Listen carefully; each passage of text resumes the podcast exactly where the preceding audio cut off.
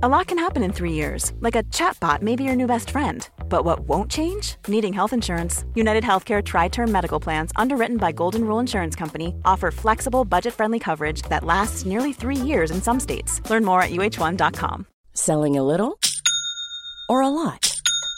Shopify helps you do your thing however you cha-ching. Shopify is the global commerce platform that helps you sell at every stage of your business. From the launch your online shop stage to the first real life store stage, all the way to the did we just hit a million orders stage. Shopify is there to help you grow. Shopify helps you turn browsers into buyers with the internet's best converting checkout. 36% better on average compared to other leading commerce platforms because businesses that grow grow with Shopify. Get a $1 per month trial period at shopify.com/work. shopify.com/work. Everyone knows therapy is great for solving problems, but getting therapy has its own problems too, like finding the right therapist, fitting into their schedule, and of course, the cost. Well, BetterHelp can solve those problems. It's totally online and built around your schedule. It's surprisingly affordable too. Connect with a credentialed therapist by phone, video, or online chat, all from the comfort of your home. Visit betterhelp.com to learn more and save 10% on your first month. That's BetterHelp, H E L P.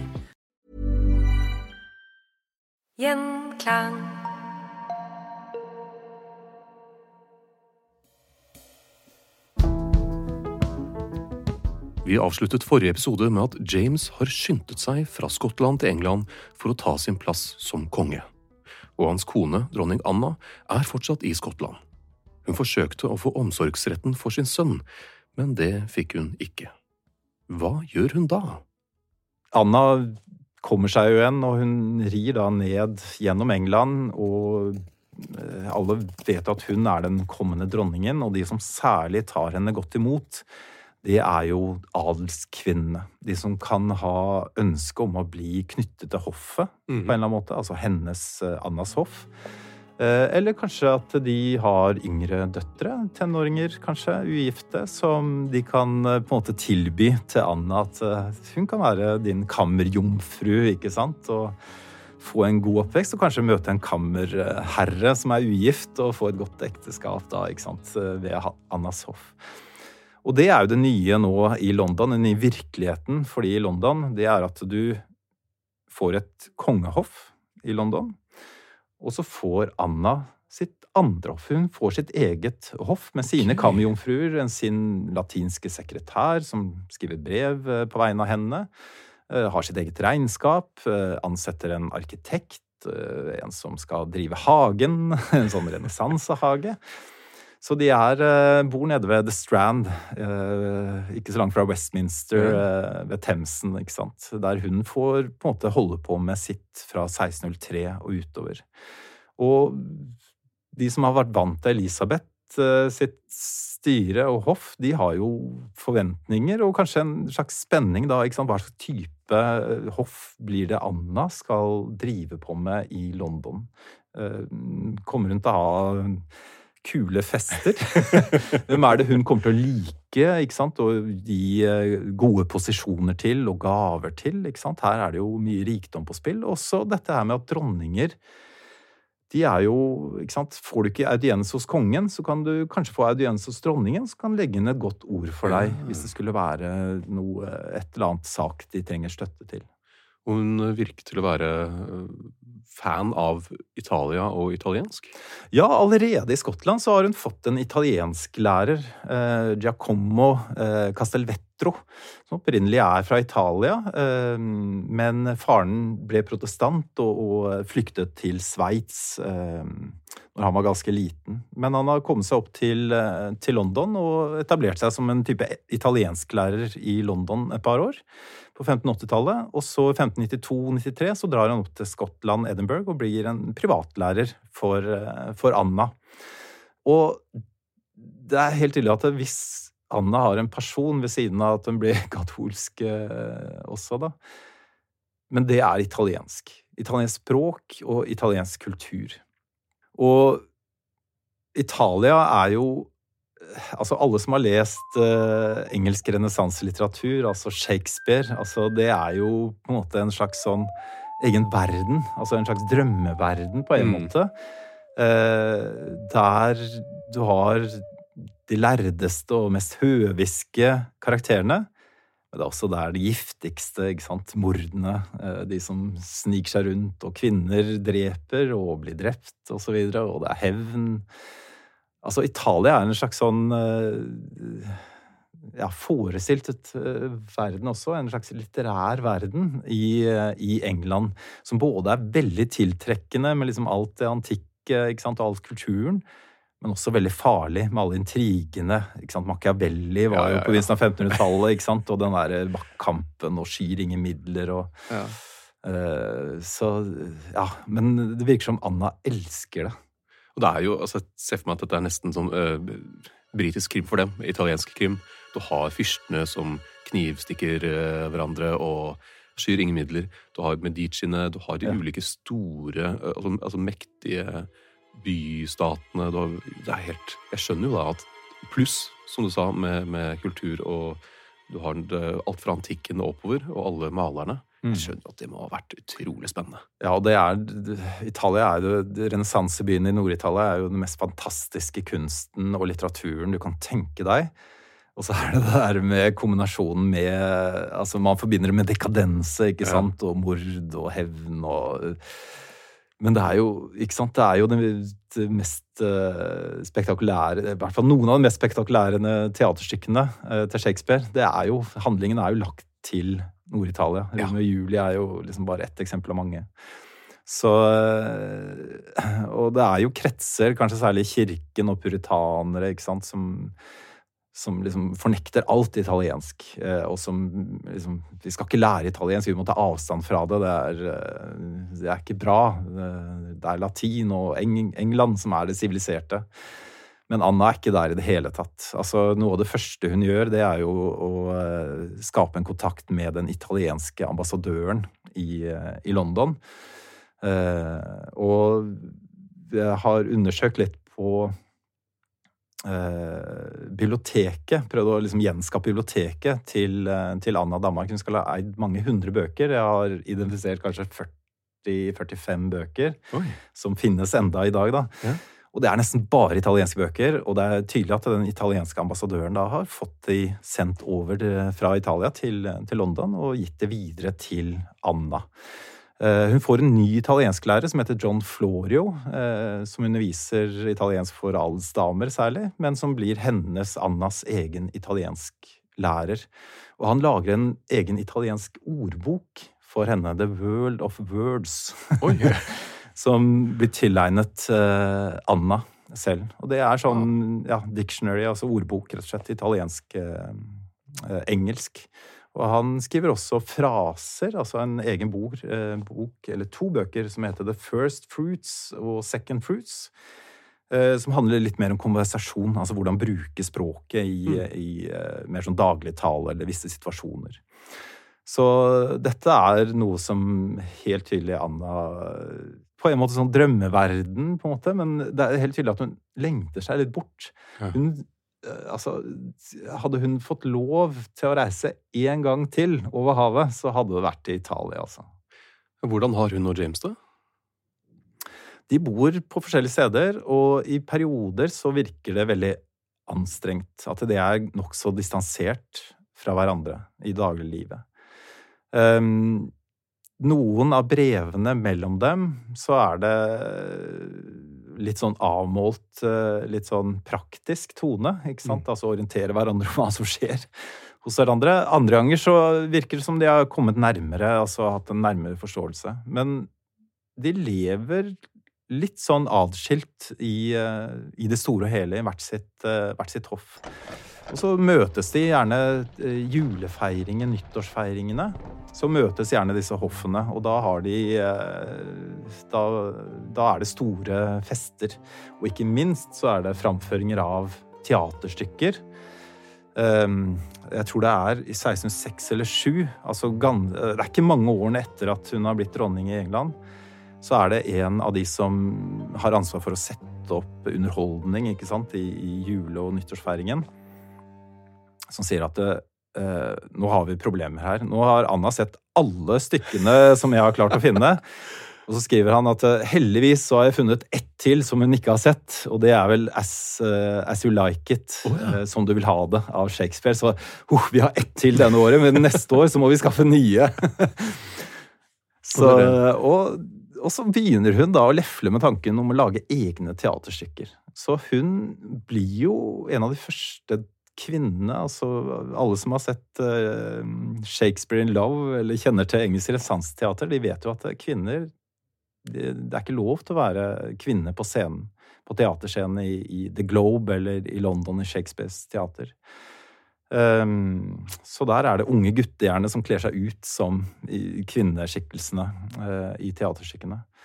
Men hun lefler med tanken om å bli en aktør på scenen selv, og jaggu, altså. I 1605 så spiller hun hovedrollen i Oi. et teaterstykke Um, som ikke er skrevet av Shakespeare, men av uh, en av vennene til Shakespeare. Uh, en annen uh, forfatter som heter Ben Johnson. Mm. Som men hvor, hvor, får hun det, dette staged, holdt på å si? Er det i, hos, i hoffet, eller er det Det er jo den måten man kan gjøre det på. Det er jo, det er jo ikke på The Globe. Nei. Det er ikke offentlig teater, dette er i hoffet. Ja. Dette er liksom innenfor altså si, Trygge rammer? Ja, litt sånn uh, adskilt fra vanlige folk. Ja. Så dette er forholdsvis trygge rammer, ja. Eh, men hun spiller hovedrollen. Eh, så et av de første stykkene som, som hun er hoved... Spiller hovedrollen i, det er jo The Mask of Blackness. Den har jeg ikke hørt om. Nei, det er det ikke så mange som har. Og den er litt eh, Det er ikke, det er ikke så lett og ledig og morsomt som Shakespeare. Dette er litt sånn tyngre materiale.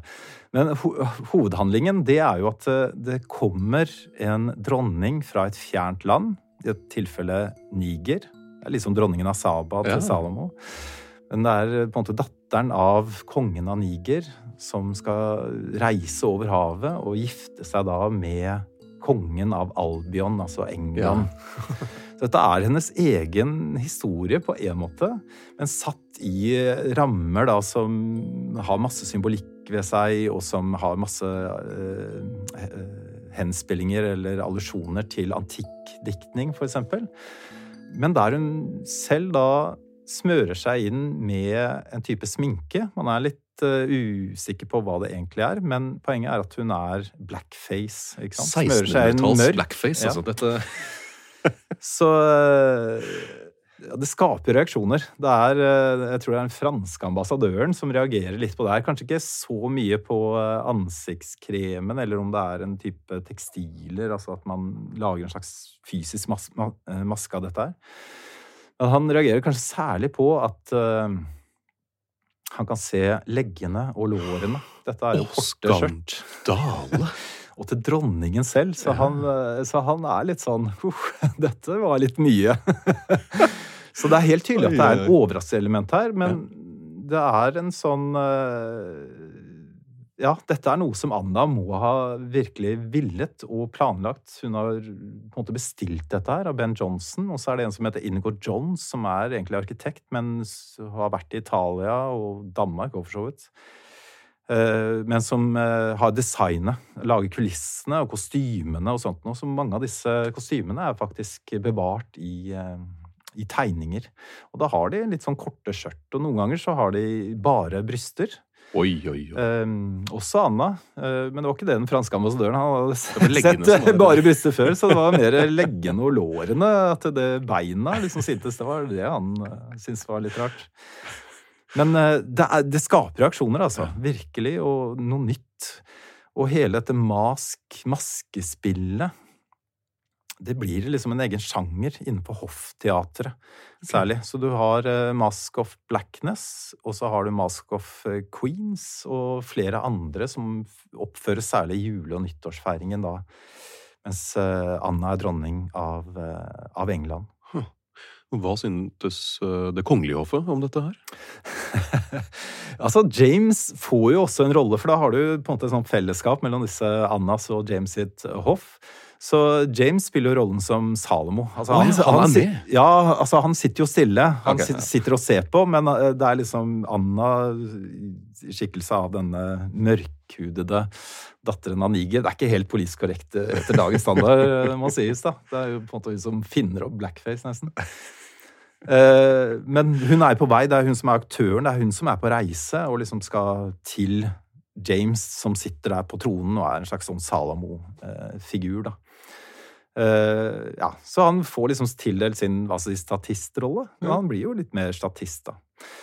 Men det er jo, man har jo en mer sånn inngående skildring av et av disse maskespillene, som også har liksom dette dronninga Saba-temaet. Uh, og det er ikke på vinteren, men det er på sommeren. fordi i 1606 så kommer broren på besøk. Ok. Kristian 4., Selveste. lillebroren, han kom på overraskelsesbesøk eh, sommeren 1606. Altså, han var en rastløs fyr. Han er jo i Norge 20-30 ganger. Det er jo ingen andre konge fra Danmark i den perioden som har vært i Norge så mye. Han seiler og er liksom rundt overalt, og dette er jo liksom Ja. Så han vil eh, gjerne besøke London, og søstera si og svogeren sin. Så han kommer sommeren 1606, og da er det liksom sånn Oi, hva gjør vi nå? Anna er jo liksom gravid igjen, eh, og hun mister jo en del barn, så det er også et av barna hun mister. da. Men, eh, så hun er ikke helt i form til dette her. Men eh, de setter nå opp et sånt type maskespill. Og da er ikke Anna i form til å delta selv, altså som aktør. Men det er en av hoffdamene da, som får tildelt uh, hovedrollen og, og spiller dette her. Men da er jo en beskrivelse, det er en engelsk uh, adelsmann som bevitner det hele, da sier at eh, alle disse hoffdamene, frøknene, jomfruene, de er jo blitt ganske fulle utpå kvelden der. Dette er jo liksom nærmere midnatt. Uh, og at uh, på et tidspunkt så går liksom hovedrolleinnehaveren, eh, denne jomfruen, da, spiller sin rolle og sjangler liksom mot Kristian 4., som sitter her og ser på, og visstnok kaster opp, da. på han. Og, men han syns jo bare dette er kjempegøy.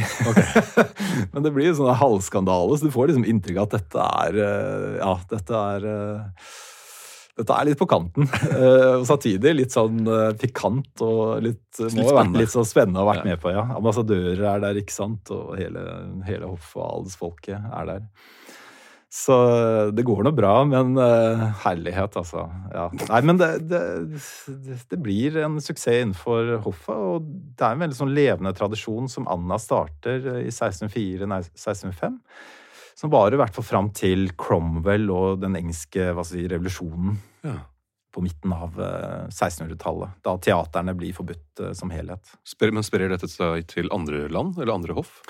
Ja, du har noe lignende, i hvert fall, i Frankrike. Um, altså sønnen, eh, yngste sønnen til, eh, til Anna, han heter jo Charles, og ble jo etter hvert Charles den første. Så han gifter seg med en som heter Henrietta Maria, datteren av den franske kongen. Og fortsetter jo denne tradisjonen. Så du, hun tar jo med seg noen elementer fra det franske hoffet. Men uh, det er jo et eller annet med at det er mer rendyrket, og at eh, dronningen selv er med i spillene og virker å påvirke handlingen i disse spillene også. Mm. Som er noe helt spektakulært og unikt, altså, med, med London og, og Anna. Og Ben Johnson, denne skuespillerforfatteren, som jo skrev masse vanlige skuespill òg, på The Globe og rundt omkring i, i, i, i London, han skriver jo det et sted at eh, sant, det er vel 1609, da har det vært et par maskespill og hoff, eh, hoffteater. Eh, Så sier han jo det at ja, nei, i år så har Anna bestilt noe nytt fra meg. Hun vil ha noe nytt inni miksen, inni, inni stykket her. Hun har sagt at hun vil ha et eller annet som bryter opp, og noe som hun kaller for antimaske. Altså anti-mask. Og det lager Ben Johnson.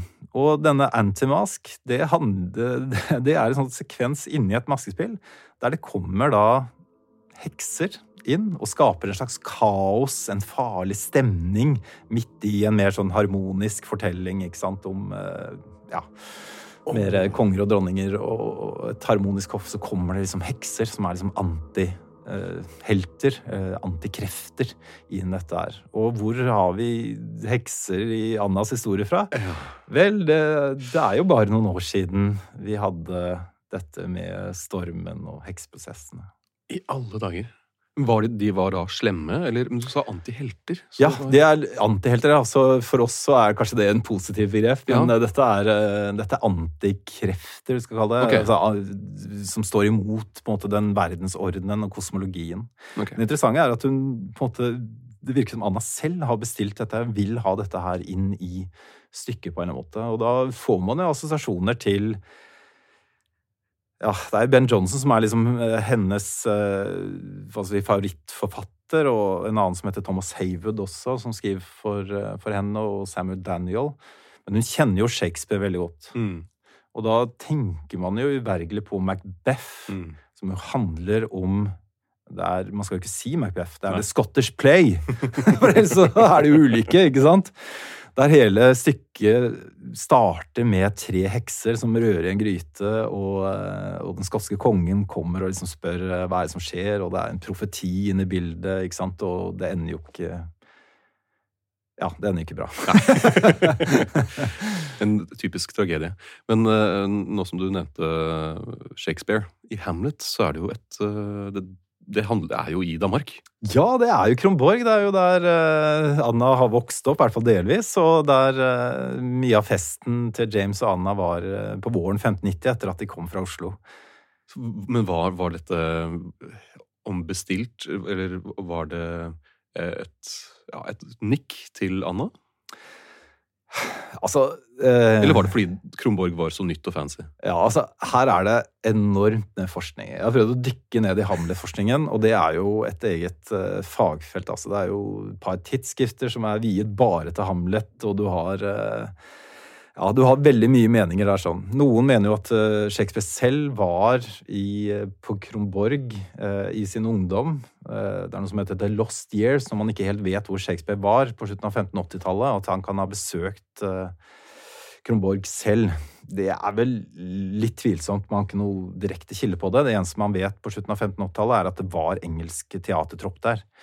Um, og en av de Shakespeare samarbeida med, og spilte i flere stykkene hans på 1590-tallet, en som heter Will Kemp, uh, han var der eh, på Kronborg. Så det vet man. Så om ikke Shakespeare var der selv på 1580-tallet, så kjente han folk som hadde vært der. En annen kjempestor debatt, eh, og her er det ulike skoler, og det er ja, En ting er jo liksom om Shakespeare skrev Shakespeare. Ja, Eh, det skal jeg ikke gå- gå inn på. Jeg mener nå at Shakespeare skrev Shakespeare, men ofte i samarbeid med andre osv.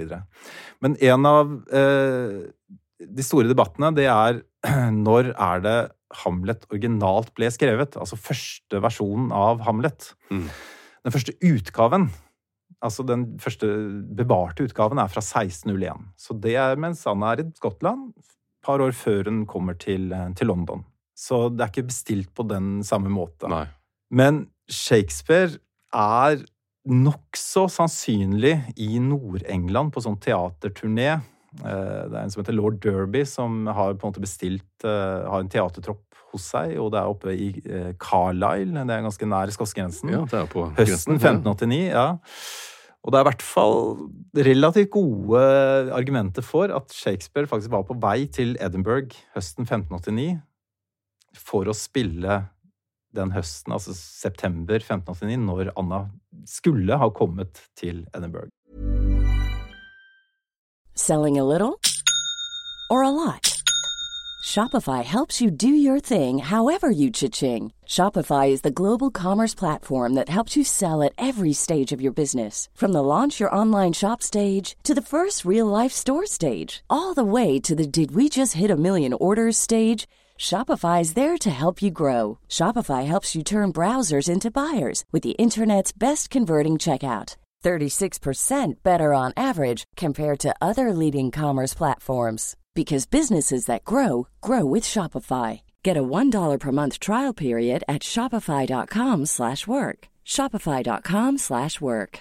Everyone knows therapy is great for solving problems, but getting therapy has its own problems too, like finding the right therapist, fitting into their schedule, and of course, the cost. Well, BetterHelp can solve those problems. It's totally online and built around your schedule. It's surprisingly affordable too. Connect with a credentialed therapist by phone, video, or online chat, all from the comfort of your home. Visit betterhelp.com to learn more and save 10% on your first month. That's BetterHelp H E L P. Life is full of awesome what ifs, and some not so much, like unexpected medical costs. That's why United Healthcare provides Health Protector Guard fixed indemnity insurance plans to supplement your primary plan and help manage out of pocket costs. Learn more at uh1.com. Og da er det en referanse på begynnelsen av 1590-tallet til Hamlet som karakter, som en teaterkarakter, i ja, litt sånn ulike uh, folk i kretsen rundt uh, Shakespeare og rundt teatermiljøene i, London på begynnelsen av 1590-tallet. Som refererer til Hamlet, som liksom skriker til ikke sant, det spøkelset som er faren, da. Og dermed så snakker man i forskningen om noe som heter Ur-Hamlet. Aha. Som er en tapt versjon, forløpet for den trykte utgaven 1601, og så kommer det en ny en i 1603. Og så er det den First Folio, som er liksom den endelige versjonen i 1623, er det vel.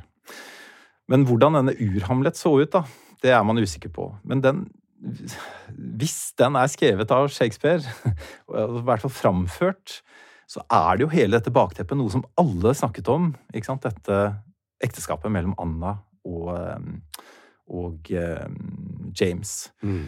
Og en annen ting er jo liksom dette Det er ikke bare Kronborg eller Elsinore, ikke sant, Helsingør, som er nevnt. Det er jo mm. også disse med Rosenkrantz og Gyldenstjerne, som jo er litt sånn latterlige figurer. og så Det går ikke så bra med de, da. det er en av de morsomste filmene jeg har eh, Det er egen film bare om dem. Ja, det er egen bok. Ja, det er en som liksom fra deres perspektiv, ja. Så den er, ja, den er morsom. Men det, ja, for det, de er jo litt sånn Eh, liksom merkelige karakterer, men det er jo liksom Aksel Gyldenstjerne som satt i Oslo. Han er jo en av kandidatene for inspirasjonen til, eh, til Gyldenstjerne i Hamlet. Der er det andre Gyldenstjerner også. Det var også en som var, på, eh, var diplomat, og som var på besøk rundt 1590-ish. Så du har flere Gyldenstjerner og rosenkranser. De er svære familier og veldig velstående og godt bereist. Og, så der er det mange å ta av. Hmm. Men, men, det er et eller annet med at hvis det var skrevet, eller i hvert fall framført i 1589, en versjon, tidlig versjon av, av Hamlet, og særlig 1601 og 1603 osv., så, videre, så er det vanskelig å tenke seg at publikum, de, enten de leste det eller så det fremført, at de ikke tenkte på Anna og James mm. og uh, hele den historien. Uh, hadde det som et bakteppe når de, bak i hodet når de så, så, dette her og tolket det, ikke sant, og hva slags betydning har dette. Det er veldig, veldig interessant. Og en ting som skjedde i 1605, som du var inne på eh, tidligere, var The Gunpowder Plot. Altså det, jeg har lest litt om at Anna kanskje var litt sympatisk overfor dette her. Ja, altså Anna var jo sympatisk med katolikker. Um, og en del katolikker oppsøkte hennes hoff også for å få en slags forståelse eller godvilje. og mange av hoffdamene i kretsen rundt der var eh, katolikker. Så mange katolikker så jo på henne som en type håp. Um, og håpte også kanskje at James også ville la seg påvirke av Anna og bli mer eh, vennlig innstilt til katolikker. Men det er jo en gruppe katolikker som er veldig utålmodige, og som eh, etter hvert snapper opp dette her at James bruker det litt i et spill, disse katolikkene. Altså, han lar dem på en måte få holde på i hemmelighet, men de Når det kommer eh, etter et par år med James og Anna, da, så i 1605, så begynner de å tenke at uh, i hvert fall de mest uh, iherdige katolikkene som hadde håp på et katolsk styre, de skjønner at James neppe kommer til å konvertere selv, og kommer til å liksom innføre i hvert fall offentlig katolske messer. Og de blir utålmodige. Det er en gjeng med, med yngre menn. Eh, en av de er eh, Guy Fawkes, som kanskje mange har hørt om. Han drar jo ned til Spania og får en slags eh, får sine planer om et ja, hva skal vi kalle det statskupp. Og denne planen materialiserer seg jo utover høsten 1605. Eh, det denne kretsen planlegger, det er jo å samle mest mulig krutt og få smugla det ned i kjelleren under parlamentet. Og så skal de tenne på hele greia når parlamentet samles, og med kongen til stede. Og muligens også var planen at Anna eh, og arvtakeren, eh, prins Henry, også skulle være der. Og så skulle da spanjolene komme via Irland, som jo er halvveis katolsk enda, og styrt av en litt sånn militær eh, elite, engelsk eh, militær elite, som har vanskelig for å kontrollere Irland i det hele tatt. Så det er sånn bakdør inn til England. Komme inn via der og, og sant, støtte opprørerne, kuppmakerne. Og liksom eh, ja, kuppe England på kort tid. Men det er jo ja, det er jo så vidt Man er litt sånn usikker på hvor mye man visste om uh, han som var liksom eh, ansvarlig for etterretningen i London, skulle avsløre som komplotter. Om han visste, hadde fått avslørt dette her i noen uker i forveien og bare lot det vente og liksom ta det i sliten, eller om det faktisk ble eller om det faktisk var tilfeldig og eh, sånn overraskende at man avslørte Guy Fawkes. Historien er jo liksom at uh, Det er jo liksom natta før, dagen ja. før, uh, dette skulle sprenges. At det er en som kommer og, og, ser at det står en fyr der. Og henger og slenger. Rundt haugevis med tønner, ikke sant, med krutt. Det er ikke mitt, jeg lover. Nei, ja, ikke sant. Så han blir arrestert og kaller seg et annet navn. Men etter en god del tortur og dette med strekkbenk osv., så, videre, så så røper han hva planen var. Og de andre blir etter hvert arrestert, de andre som var i komplottet, og de blir jo henrettet på det grusomste, da. Blir jo hengt og strukket mellom fire hester og opp på steile, altså hodene blir satt på stak osv. Så det er liksom det verste straffen du kan tenke deg. Altså. Du blir liksom henretta liksom tre ganger. mm. Dette feirer britene den dag i dag. Og det feirer man med bål og det hele tatt. Altså, det er James som innfører dette her. Etter et par år så markerer han dette her på årsdagen. Eh, på Guy Fawkes-dagen og liksom sier at dette, dette skal feires, at vi unngikk dette. Og det gjør at det blir vanskeligere for Anna å være åpen katolikk. Det var akkurat det jeg tenkte. Ja, det, det, er ingen tegn som jeg har sett som tyder på at hun slutter å være katolikk. Men hun må være mer forsiktig og holde det enda mer eh, skjult enn det hun har gjort før. Mm. Og James ser ut til å ha hatt denne planen med liksom en union, kristen union, på en måte, å finne fellesskap med katolikkene. Men uh, i hvert fall i noen år så gir han det opp, uh, de planene, og blir mye strengere med med katolikkene. Mm. Og det er da enda flere av disse priest holes mm. blir. Eh, så det er mye vanskeligere å være jesuitt og undercover-agent for katolisismen eh, i London i årene etterpå. Så Anna hang med Shakespeare, kan man mm. si. Og da du fortalte meg dette her, så, så ble jeg litt sånn Hæ? Dette her gir jo ingen mening, eh, men det gjør jo det. Det er eh, et navn som eh, er så mye som Pocahontas. Hvor kommer hun inn i bildet her? Jeg holdt på å si kommer jo inn fra Disney, da. det er jo kanskje den tegnefilmen til Disney som man kjenner Pocahontas fra. Men dette er jo en historisk skikkelse som, som ligger til grunn. Uh, og for de som har sett Disney-versjonen, uh, toeren, oppfølgeren til Pocahontas, så vet man at Pocahontas besøkte England.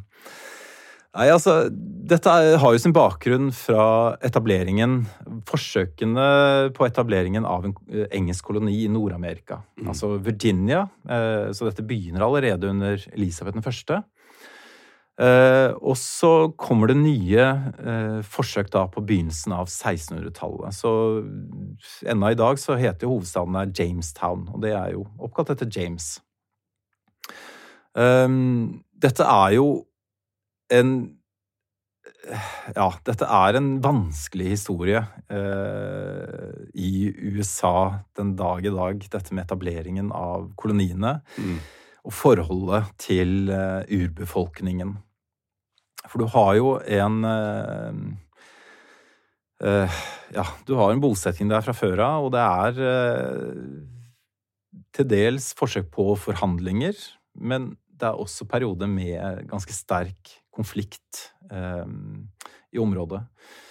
Eh, og det er etter hvert vanskelig å få eh, engelskmenn til å dra over og bosette seg der. Eh, for det, Det er farlig. ja, altså man oppfatter det som nokså farlig, ja, og at det, det koster mer enn enn det smaker. er, enn det smaker. Ja, at det, det er ikke så mye økonomisk å få ut av det. Men da er det jo én som eh, tenker at eh, her må vi gjøre et slags markedsframstøt. Og noe av bakgrunnen her, det er jo at eh, datteren til, til høvdingen har blitt gift med en av bosetterne, John Rolfe.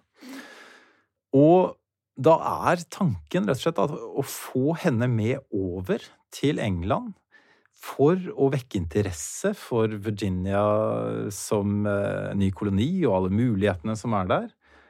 Um, og få flere, uh, flere over uh, Atlanteren.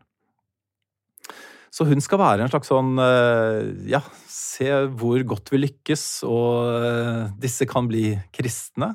Eh, Hun ble jo døpt og ble jo kalt Rebekka som hennes kristne navn. Så hun kommer og blir på en måte vist fram som en kuriositet. Eh, Man hadde jo hatt folk fra Afrika ikke sant, som så annerledes ut, fra Asia, og man hadde eskimoer som man hadde vist fram i, i London. Mens nå kom det amerikanske eh, urinnvånere og eh, ja, var jo litt sånn på utstilling. Så det var både hun Rebekka, eller Pocahontas, som kom, også et par andre som liksom ble ja, mer eller mindre sånn utstilt eh, i, eh, i London. Anna tar seg veldig godt av Pocahontas. Eh, hun inviterer henne til hoffet, og hun, lar sette opp da skuespill, Ja. og også maskespill. Mm. Eh, og virker på en eller annen måte å kjenne seg igjen i Pocahontas skjebne. Altså Ja, som en type prinsesse Akkurat fra det. den andre verden, Mm. som kommer over havet og inn i en ny verden. Så det er en slags sånn gjenklang, eh, tror jeg, eh, for Anna. Altså, eh, det er et eller annet som slår en streng hos henne når hun ser Pocahontas og henne som en prinsesse. Litt som i Mask of Blackness, der hun selv liksom framstilte seg, eller spilte en rolle der hun dro fra Afrika, fra Niger, over til, eh, til Europa og skulle gifte seg med en konge.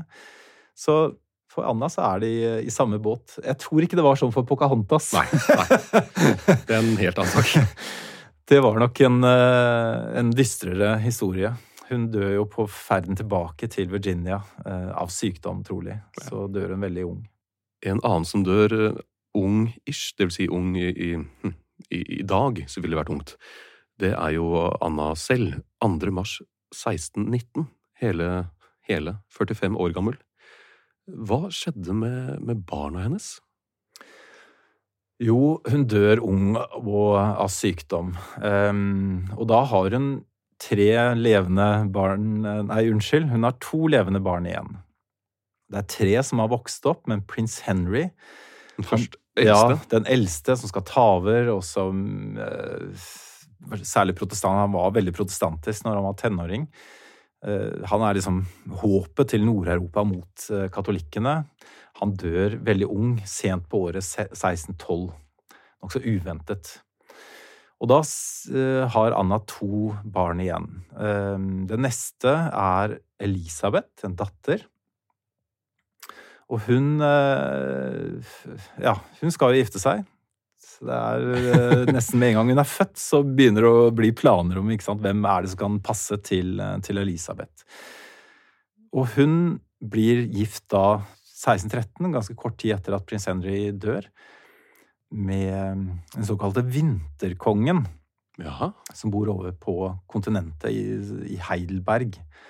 en tysk Fordi- fyr.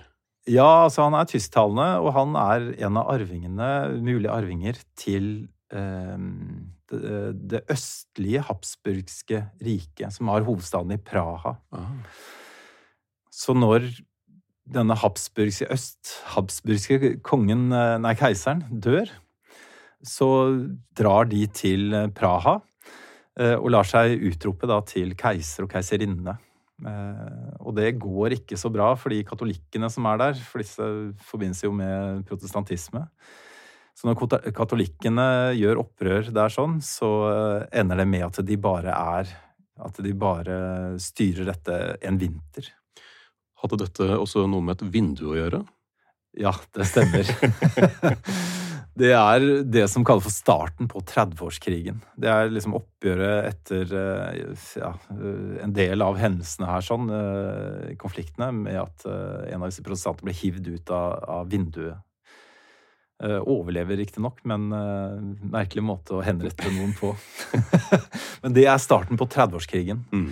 Og det er, det er jo sånn som mange tenker som et slags sånn symbol på uh, James sine håp om en fred i Europa. Ja. At han skal være en slags sånn ja, fredsskaper, en, ja, en pax-fyrste. Altså pax som, som i latin fred. Det var jo sånn han fremstilte seg ofte det ender jo liksom med starten på 30-årskrigen. Og det, det, var, det er ikke noe hyggelige greier, altså. Ødela Sentral-Europa rimelig greit. Ja. Og så er det den som da faktisk eh, er forventet å bli konge etter James. James dør først i 1625, da det er Charles, prins Charles. Han eh, er jo den yngre. Han var ikke forventet å bli konge. Det var liksom storebroren prins Henry som var den lovende og litt sånn ridderlig, og alle så opp til. Charles var spare? Ja, Charles var spare i dette tilfellet, ja. og han var liksom sånn Ble sett på som en veiking. Han gikk Han klarte ikke å gå før han var sånn tre-fire år gammel, og snakket litt, litt seint og litt sånn Han ble oppfattet som en litt sånn ja, ikke den liksom Den Det mest skarp, Nei, skarpeste kniven i skuffen. Men i 1619, 1625, da var det han som uh, Hva man hadde, rett og slett.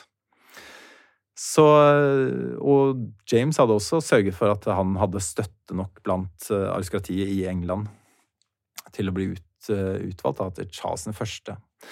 Men det som eh, skjer liksom akkurat i disse årene når eh, Anna eh, blir sjukere, 1618, 1619, 1620, så er det også spørsmål om liksom, hvem er det han skal gifte seg med. Og da er det noe spektakulært som foregår igjen. Okay. Noe som ingen forventer.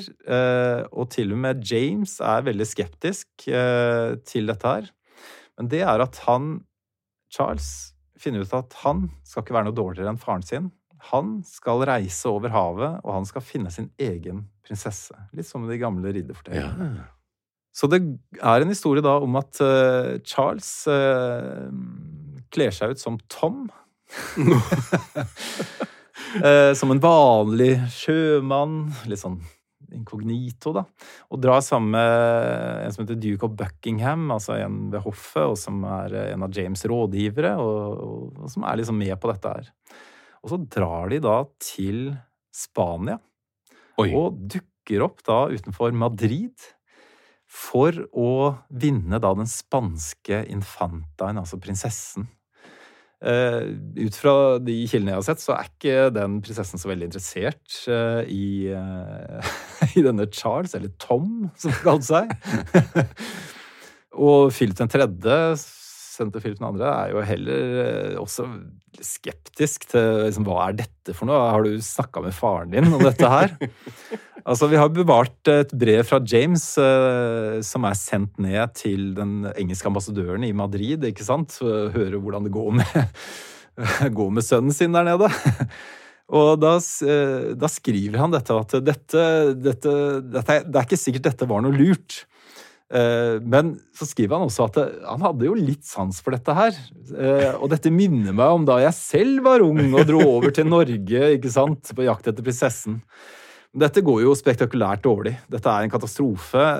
Ikke sant? Adelen og byråkratiet og det engelske establishment de vil jo ikke ha en spansk prinsesse. Det blir, eh, så det er liksom ingen Spanjolene vil heller ikke ha den derre Tom som kommer der og liksom skal redde prinsessa, som heller ikke er så interessert i han. Så det er ganske mislykka, spektakulært mislykka, hele prosjektet. Men det virker å være inspirert av nettopp denne reisen som James gjorde for å redde Anna. Det var jo veldig vellykka. Så mm. hvorfor skal ikke Tom også, eller Charles, da, den første, gjøre et lignende stunt? Men eh, nei, det, det går ikke så bra. Og Charles blir jo mer og mer upopulær etter hvert som tiden går. Og han gifter seg med den franske Henrietta Maria, som var katolsk, og mer åpent katolsk, da. Og til slutt så spisser det seg til på slutten av 1640-tallet. Da er det jo en del engelske aristokrater som samler seg rundt en som heter Cromwell, som gjør opprør, tar til fange Charles og halshogger han.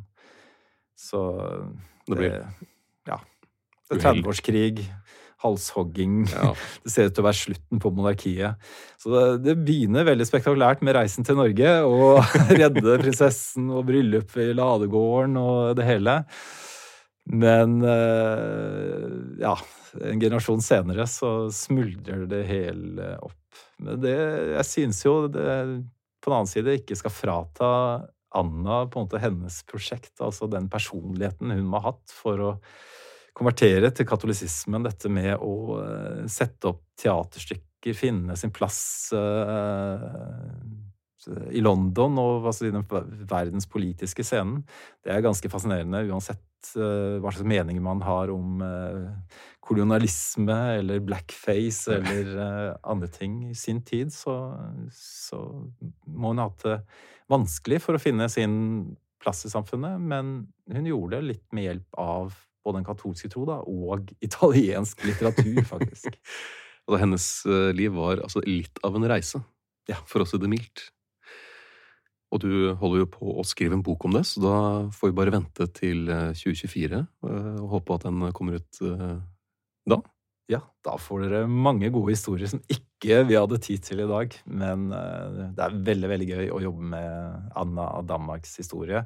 Og det er litt på sin plass at ikke Kristian 4. skal få all oppmerksomheten. Tusen hjertelig takk for at du kunne komme og snakke om Anna med oss, Bjørn Banlien. Selv takk.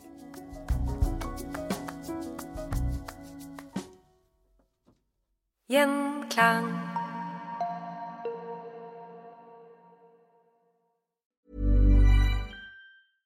Selling a little or a lot? Shopify helps you do your thing however you cha-ching. Shopify is the global commerce platform that helps you sell at every stage of your business. From the launch your online shop stage to the first real life store stage, all the way to the did we just hit a million orders stage. Shopify is there to help you grow. Shopify helps you turn browsers into buyers with the internet's best converting checkout. 36% better on average compared to other leading commerce platforms because businesses that grow grow with Shopify. Get a $1 per month trial period at shopify.com/work. shopify.com/work. Mom deserves the best, and there's no better place to shop for Mother's Day than Whole Foods Market. They're your destination for unbeatable savings, from premium gifts to show-stopping flowers and irresistible desserts. Start by saving 33% with Prime on all body care and candles. Then get a 15-stem bunch of tulips for just $9.99 each with Prime. Round out Mom's menu with festive rosé, irresistible berry chantilly cake, and more special treats. Come celebrate Mother's Day at Whole Foods Market.